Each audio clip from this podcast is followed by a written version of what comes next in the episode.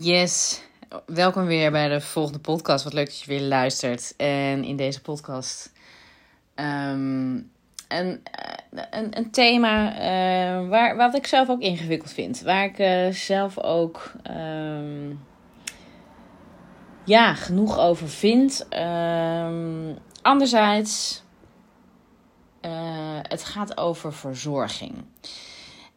Denk ik. Dat dat hetgene is Um, en ik geef hem nu al gelijk weg. maar uh, lichamelijk uh, je aangetrokken voelen tot je partner.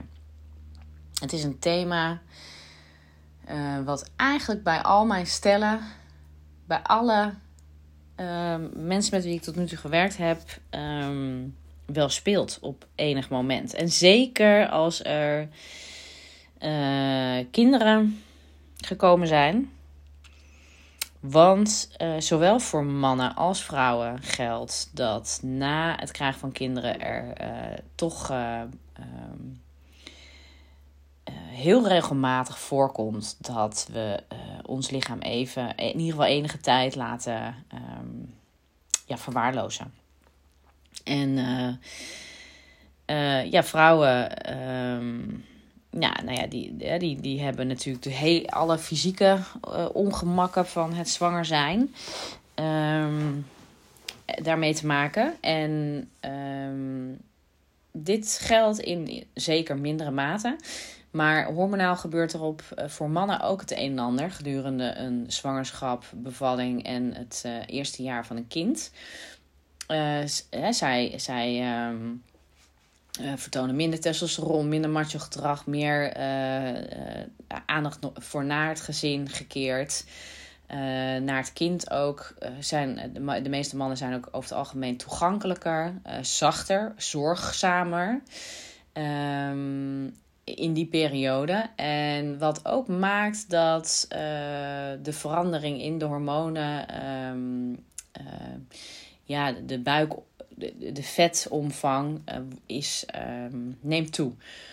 En dit normaliseert volgens mij wel aardig. Dat weet ik even niet exact. Maar het, het normaliseert op een gegeven moment ook voor vrouwen. Vrouwen hebben. Nou ja, voor vrouwen is het natuurlijk uh, redelijk vanzelfsprekend. Maar ook uh, gedurende de zwangerschap is door.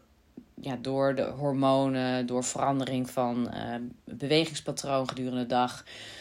Um, en na de bevalling uiteraard. Um, uh, het, het, geven van borstvoeding bijvoorbeeld speelt daar ook nog een grote rol. En, en, en zes maanden tot, tot na het stoppen van je borstvoeding, uh, zeg maar, um, spelen nog bepaalde hormonen. Maar goed, op een gegeven moment is dat ook weer genormaliseerd. Wat. Um, en, en, en dat is zeg maar de periode waarop mensen weer waarop stellen, wat ik zie, waarop man en vrouwen van elkaar toch weer verwachten: hé, hey, maar wacht even, uh, nu uh, hebben we niet echt meer een uh, legitieme reden. We, we, slapen weer goed. We hebben he, we, natuurlijk rondom die kinderen krijgen. Dan heb je ook slapeloze nachten, waarin je ook gewoon je behoefte aan suikers meer is. Je over het algemeen wat meer op de overleefstand staat. Minder tijd voor gezond eten, voor bewegen, et cetera. Wat ook compleet normaal is. Laat ik dat voorop stellen. En ik vind ook, uh, ik vind ook persoonlijk dat je dat te doen hebt. Ik heb dat in ieder geval ook gedaan. Mensen in mijn omgeving weten dat donders goed. Uh, in die periode heb ik ook weinig foto's van mezelf. De enkele foto's die ik heb van mezelf is gewoon. Um, um, ja, er zijn. Mijn lichaam stond, was echt, straalde één grote moederkoek uit. Als ik de kloek uit, als ik daar nu naar kijk. Um, en uh, ja, dat, ja, nou ja, en helemaal na het krijgen van de tweeling. En ik heb het ook overigens over na de tweeling. Dat was, uh, dat was een periode van uh, standje overleven. En um, ja, feit is dat ik gewoon dat er gewoon geen tijd in die dag zat. In de dagen zaten. Um, waarop ik zoals ik nu bijvoorbeeld, ik heb nu de mijn ochtendritueel bestaat uit uh, vroeg wakker worden voordat iedereen hier wakker wordt.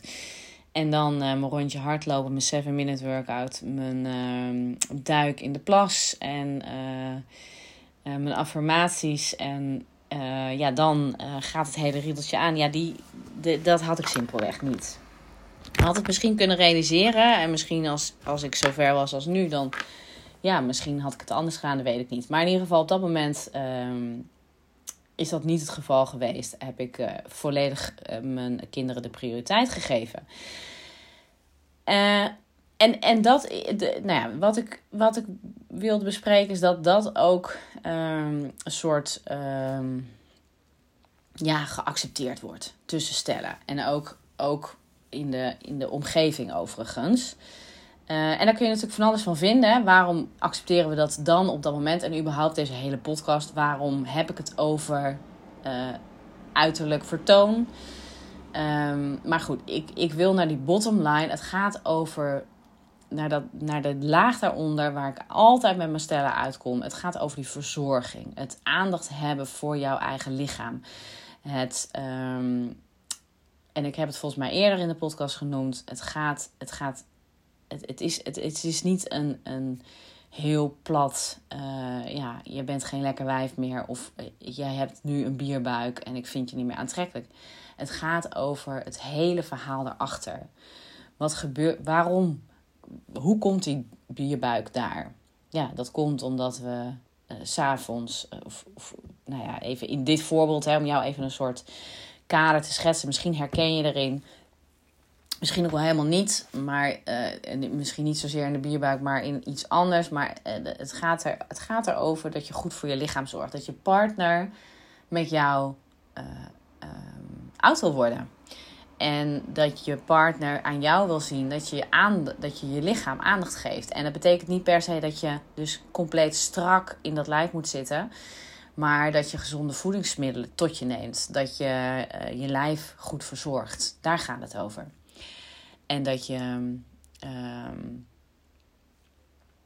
ja, en vaak de boodschap, de essentie, de, de, hetgene waar, uh, waar het de ander om gaat, is dat, je, dat die ander uh, van jou houdt en uh, met jou oud wil worden. En als je op, op, een, op een, nou ja, te veel alcohol nuttigt, rookt, um, een ongezonde leefstijl hebt, met regelmaat snack, uh, naar binnen werkt.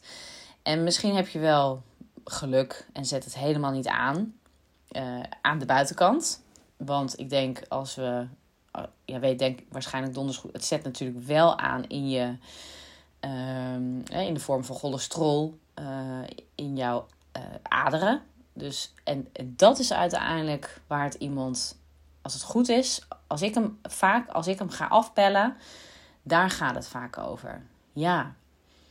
Maar ik, ik wil niet dat jij met 50 jaar in het ziekenhuis belandt of uh, hersenletsel hebt, hebt na uh, ja, uh, door aderverkalking of door uh, een, een, een, een bloedpropje trombose, wat dan vast komt te zitten. En dat, dat is natuurlijk hetgene waar, waar het meestal over gaat. Verzorgings, ja, de, de, de verzorging van jouw lichaam. En heel vaak als ik. Um, en want, want heel vaak hebben stellen dat ze dit een heel ingewikkeld onderwerp vinden om aan te kaarten bij hun partner. En als ik met ze in gesprek ga, probeer ik altijd eigenlijk naar die dieper liggende laag te kijken. Uh, en heel vaak is dit wat er dus onderliggend speelt. Maar waar ook men zich niet altijd even goed van bewust is. Um, en wat vaak wel een uh, aankomt bij de ander. In plaats van ik, ik vind het echt afgrijzelijk dat je elke avond drinkt. Pak je nou alweer een biertje? Zoiets. He, dat zijn boodschappen die ja, niet aankomen, hoef ik jou niet te vertellen. Maar ze, dan, dan, dan, ja, dan, dan gaat het. Uh, uh, En dan spreek je iemand aan op zijn gedrag. Ja, uh, wie ben jij? Ik ben ook volwassen. Maar het gaat erover dat je op een gegeven moment kan verwoorden naar elkaar waar dat, uh, dat, dat gebaar als in ik kom uit mijn werk en ik schenk, of, of ik schenk een glas wijn in. Of, uh, dat, voor als we het misschien over, over vrouwen hebben, die pakken wat sneller de wijn. Maar het gaat erover wat, wat dat hele gebaar um, uitstraalt naar jouw partner. En waar de pijnpunten bij jou, voor je partner zit. En um, los, los, want dit alles heeft natuurlijk ook. Het is vaak een. Uh, een uh, begint het met uh, dat we het lichaam van onze partner niet meer zo sexy en opwindend vinden als in het begin. Um, nou ja, door wat ik eerder benoemde, het krijgen van kinderen, het ouder worden, er minder aandacht aan besteden of andere prioriteiten hebben. En, um, en dan speelt dus onderliggend, uh, ja, in hoeverre zorg je goed voor jezelf. En uh, om 80 te worden. Alright, ik uh, ga het hierbij laten voor, je, voor deze podcast. En dit is. Um, dit is wat ik jou wil meegeven voor in, uh, om eens uh, te bedenken wat voor jou of bij jouw partner kan gelden. Het kan natuurlijk beide kanten op. En heel waarschijnlijk is dat jullie beide kanten echt wel iets, ja, dat je iets over jezelf weet te vertellen, maar ook over je partner weet te vinden, over een bepaald gedrag. Waarvan je denkt, ja, daar, ehm, daar weet ik niet hoe, hoe aantrekkelijk ik dat vind. Um, hopelijk uh, nodigt uit voor een mooi gesprek met je partner. Om het over de laag dieper dus te hebben. Over wat het met jou doet. En um, ja, welke, um, ja, welk, welk gevoel het je geeft als je elke keer je partner datzelfde gedrag ziet doen. Mocht je er niet uitkomen, uiteraard, plan jouw call in. Dan bespreken we, kijken we of, we, uh, of ik jou, jullie hierbij zou kunnen helpen. En of jullie dat uiteraard met mij zien zitten. Kijken of er een match is. Of, het, um, uh, ja, of ik, mijn trajecten uh, eventueel iets voor jullie kunnen zijn. En um, hartstikke leuk. En mocht je deze podcast interessant vinden, leuk als je hem deelt op jouw socials of mij persoonlijk een DM'tje stuurt. Oké, ik hoor je weer en tot in de volgende podcast.